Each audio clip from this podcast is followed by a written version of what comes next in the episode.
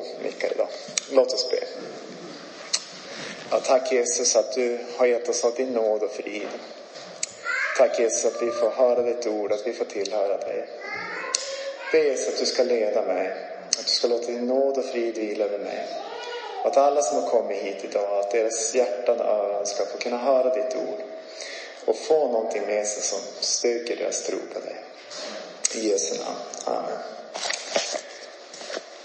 Jag börjar med hälsningen från mig. Sommaren är slut. Och nu tycker ni, vad var det för uppmuntrande idé?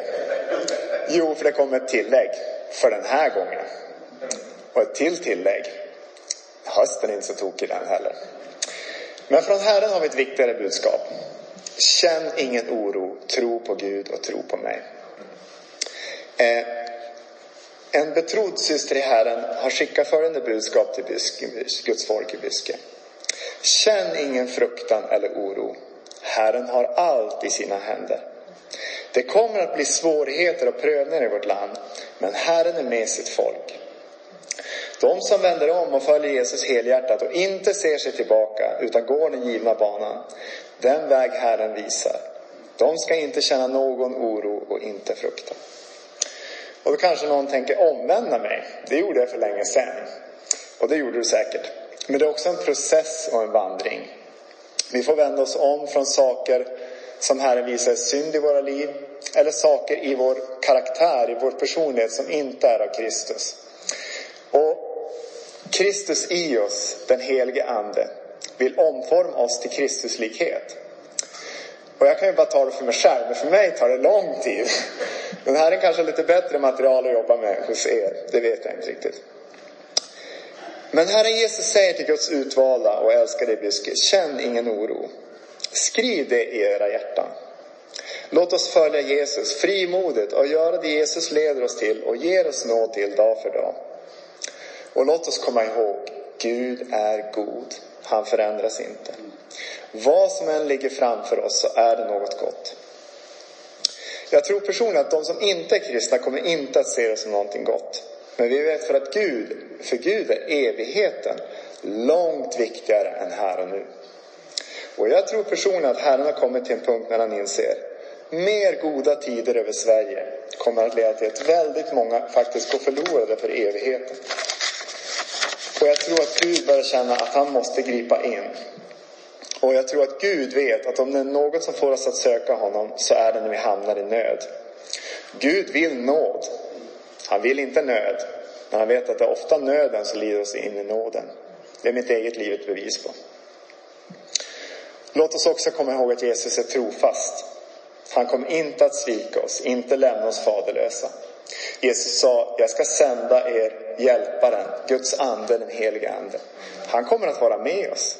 Så det finns ingen oro, eh, för, ingen anledning för oss att känna oro. Vi kan glädja oss i Herren. Han är ju med oss. På fallskärmsjägarna sa vi preparatus supervivet. Den som är väl förberedd överlever.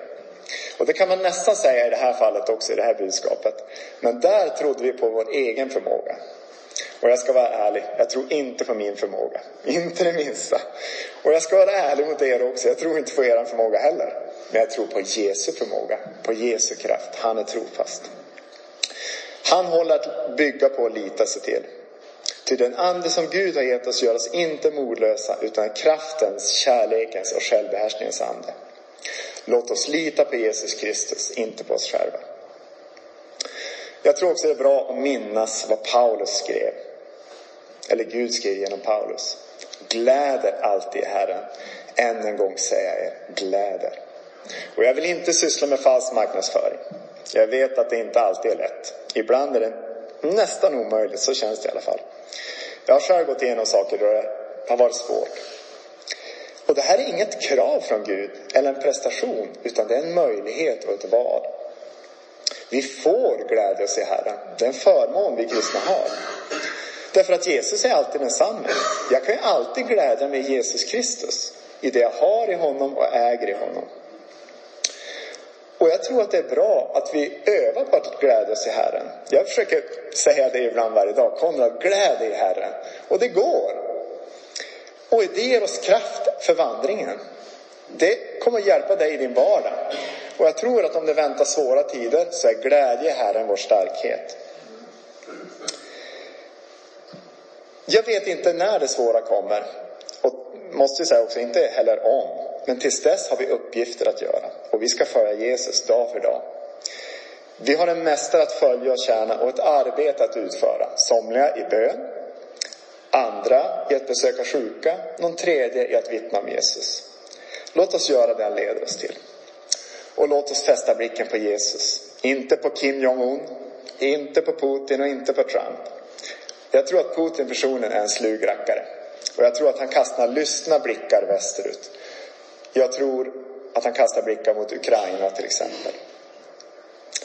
Jag tror att han har både konkreta och ganska så långtgående planer för att ta resten av Ukraina, Baltikum, Skandinavien och Polen. Det är vad jag tror. Och mina före detta kollegor på Försvarsmakten säger samma sak. Se upp. När Konstantin och Anna bodde här, jag tror att ni minns dem. Då, när de bodde i Ukraina så hörde de ungefär 2010 Putin har planer för att ta över Krim. Och de skrattade. Nej, nej, nej, det där tror jag inte på. Men med facit i hand, när vi såg hur det gick till, snabbt, smidigt, då säger jag, man behöver inte ha mycket erfarenhet från försvaret för att säga att det var inte improviserat.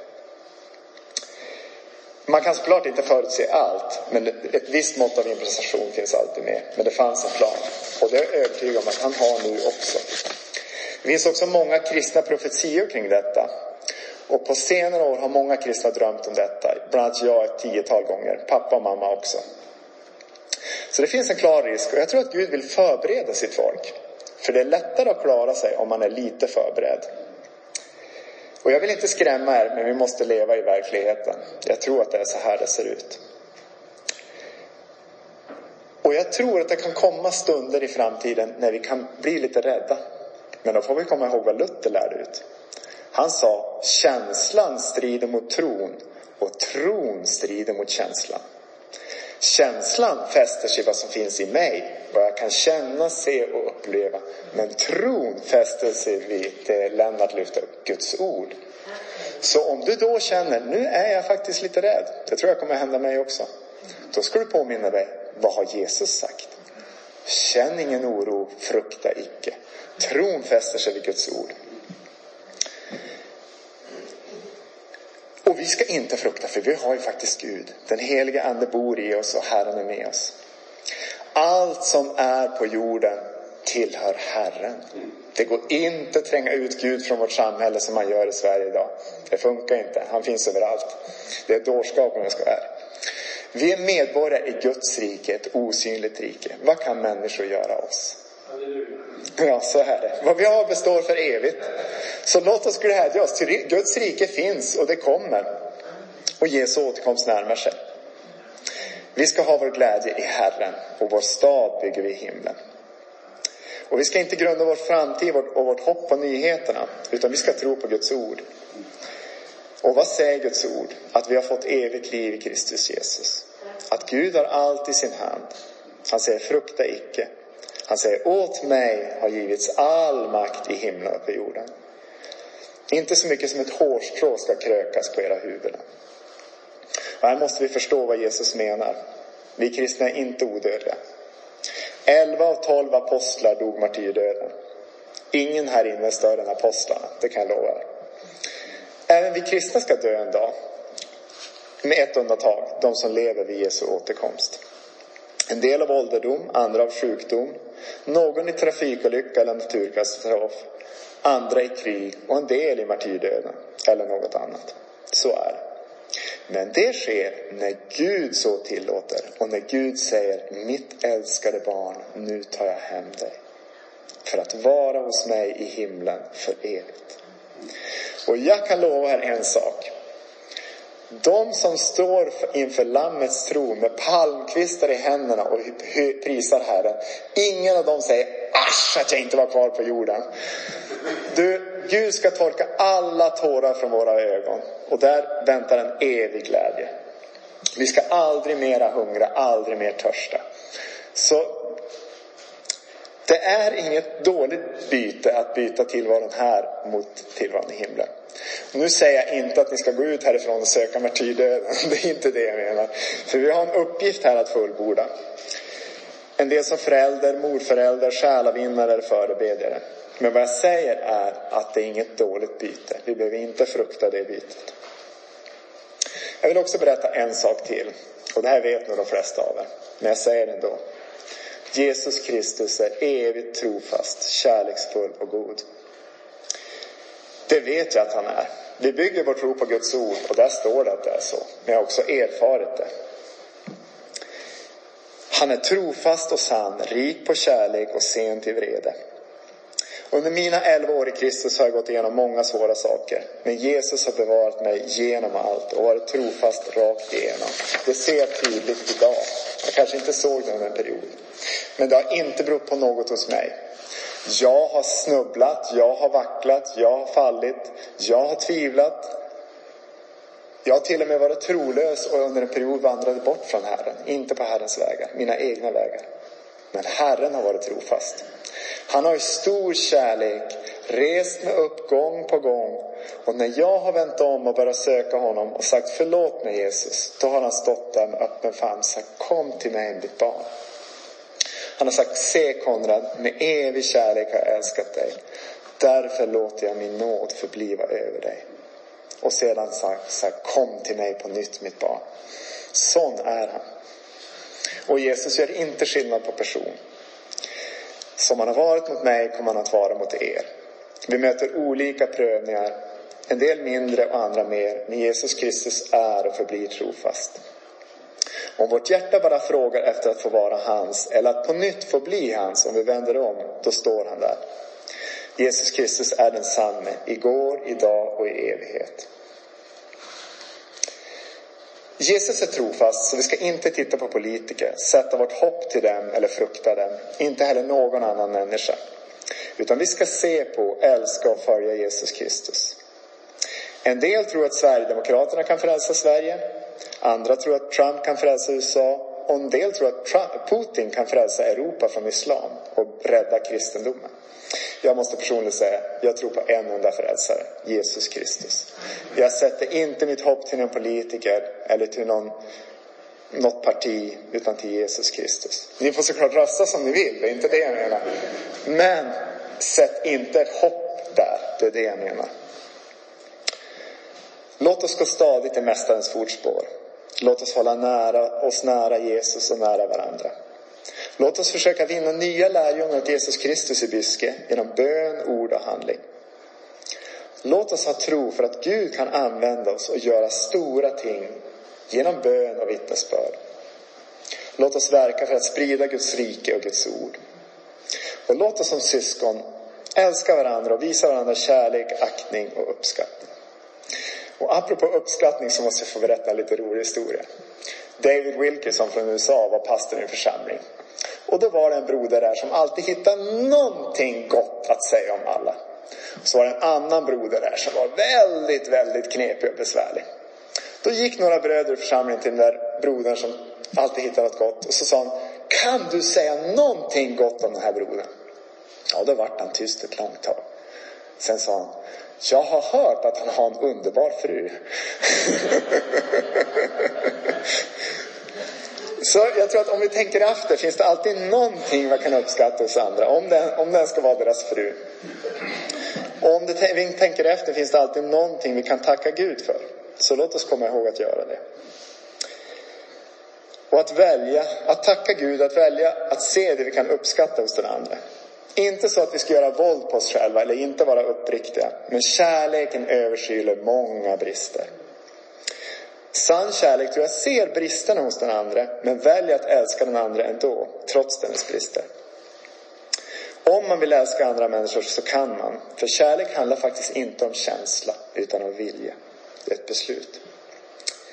Men vi ska också vara uppriktiga. Han sa inte ja det här är en underbar broder. Men han sa han har en underbar fru. Vår kärlek måste vara grundad på sanningen. Och ibland kan den också vara ärlig och uppriktig. För sån är Kristi kärlek. Bibeln säger att vi ska tala sanning till varandra i kärlek. Vi kan inte gå till en överviktig person och säga du är fet, för det är inte kärlek.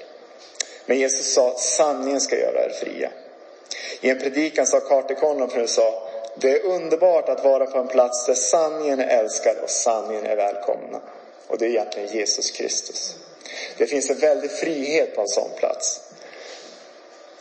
Ty där Herrens ande är, där är frihet. Jag vill också få säga några ord om mina föräldrar och jag har inte frågat dem om lov så jag gör det här på nåden. Min älskade mor och far som varit gifta i snart 50 år. De känner nog varandra rätt så väl. Både varandras styrkor och svagheter. Men det är ändå kärleken som segrar. De väljer att se på och hålla fast vid det de älskar och aktar hos den andra. Och nu måste jag få berätta en sak som jag som sagt inte har frågat om lov för. Men ibland är min käre far blir lite ivrig och entusiastisk och får någon av sina lite tokiga idéer. Då sätter sig mamma tungt ner på en stol, suckar tungt, skakar på huvudet. Så säger hon Gilbert, Gilbert, Gilbert. Och det är en röst full av kärlek och ett leende på ansiktet. Och jag tror att jag förstår vad hon säger. Du är hopplös men jag älskar dig ändå. Och så tror jag Herren ser på mig ibland. Konrad, Konrad, Konrad. Och så kan vi också se på varandra tror jag. Och jag undrar om Jesus gjorde ibland så med lärjungarna. Det står inte i Guds ord, men jag tror inte jag gör våld på det när jag säger att ibland så sa han Simon, Simon. Och Petrus hade en sån ivrig kärlek för Jesus, men han var lite, han hade mycket kvar att lära sig. Så jag tror att Jesus gör, ser också på oss i stort tålamod och kärlek. Och så bör det också vara med oss syskon. Vi kan se varandras brister och ibland kanske vi kan be Gud uppenbara dem för en broder. Och ibland kanske vi får hjälpa Gud på traven. Men vi ska ändå älska varandra och säga, se där en älskad broder. Se där en älskad broder. Och se där en älskad broder. Och jag vet, det finns systrar här inne också. Och jag älskar er också, men det vågar jag inte säga för då blir jag generad. Eller så står det några argsinta svartsjuka män utanför efteråt och väntar på mig. Så den risken tar jag inte. Och Jesus sa inte, du ska älska din nästa som tycker som du. Så står det inte. Jesus sa, du ska älska din nästa som dig själv. Punkt. Till exempel om jag tar muslimer. Jag ska älska dem, säger Jesus. Jag håller inte med dem om allt och tycker inte att de gör allt rätt, men jag ska ändå älska dem. Jesus har inte gett mig något val. Det innebär inte att jag stillatigande ska acceptera att bli utnyttjad eller allt som de gör, till exempel terrordåd, för det är inte rätt. Men jag får inte avsky dem, jag ska älska dem. Jag ska visa dem barmhärtighet om de är i nöd. Vi ser mycket elände komma därifrån. Och om än det ska sägas att alla muslimer inte gör det här så tror jag ändå vi kan vara överens om att det är för många. Men framförallt det jag känner för min egen del, det är att protesterna från deras håll faktiskt är för lite högljudda. Det tycker jag. Detta måste man få tycka och säga. Vi måste få tänka och tycka fritt. Men det finns också saker jag faktiskt kan uppskatta hos dem.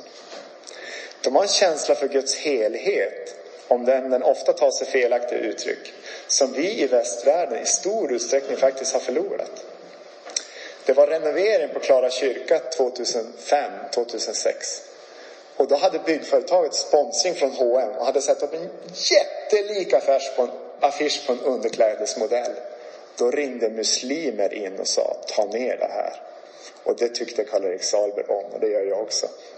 Så vi kan uppskatta det. Men visst finns det mycket som är helt galet. Det tror jag vi tycker. Eller jag gör det. Men jag ska älska den, visa dem kärlek, barmhärtighet och godhet ändå. För Jesu Kristi skull. Behöver inte älska deras gärningar eller deras åsikter, men jag ska älska personen. Och jag ska komma ihåg att Jesus Kristus har dött för var och en av dem också. Också de kan få vinna evigt liv i himlen. Och det är flera muslimer som har fått göra det här i Byske. Det är underbart. Jesus ser nog en hel del brister hos mig också. Och det gör jag också. Men i Jesu ögon är jag en dyrbar, älskad ädelsten. Som det står i Jesaja 43.4. eftersom du är så dyrbar i mina ögon, så högt aktad och så älskad av mig. Så ser Jesus på mig och så ser han på er. Jesus gör inte skillnad på person. Vi är alla dyrbara ädelstenar i Jesu ögon, högt aktade och älskade av Herren. Det får vi påminna både oss själva och varandra om då och då. Nu ska jag till sist knyta ihop säcken. För temat var ju faktiskt inte Kristi kärlek. Men ni känner nog mig. Jag har svårt att inte prata om det. Och jag måste faktiskt få berätta en sista sak om Jesu Kristi kärlek. Jag älskar predikningar från Times Square Church i New York. Där finns det en som heter William Carroll, pastor där. Han var uteliggare i New York, vart frälst och idag är han underbar förkunnare. Så gick jag där ute i skogen med min röjsåg och lyssnade på en predikan och jag, vet inte riktigt, jag minns inte riktigt vad han talade om. Och så helt plötsligt sa han bara, the love of Christ. Och mitt hjärta bara smälte som vax. Och jag nästan var knäsvag. Och jag blev berörd in i mitt innersta. Jag tänkte bara, wow, vilka ord. Bara när han sa dem kände jag, åh, han känner Kristi kärlek. Sån är Kristi kärlek. Den berör oss, den förvandlar oss inifrån och ut. Så därför behöver vi tala om den ganska ofta. Men nu knyter jag ihop. Älskade syskon, Guds utvalda och älskade, frukta inte. Låt oss verka så länge dagen varar. För det finns många där ute som behöver få ta emot Jesus. Låt oss ha fästet för vår tro på Golgata. Det är fullbordat. Döden, den onde, domen och synden är alla besegrade fiender. De kan skrämma oss ibland, men de är besegrade. Låt oss lita på Jesus, följa honom, tro på honom. Jesus kommer att bevara oss tills den dag han kallar oss hem till sitt rike. Och låt oss be som Herren Jesus själv lärde. Låt ditt rike komma. Låt din vilja ske. Amen. Låt oss be. Jesus, vi tackar dig för att du har gett oss ditt ord som vi får lita på. Tack också att du vill förbereda ditt folk. Jag ber att du gör oss starka i dig. Ber att du lär oss att lita på dig. Ge oss kärlek till dig och glädje i dig, till varandra. I Jesu namn. Amen.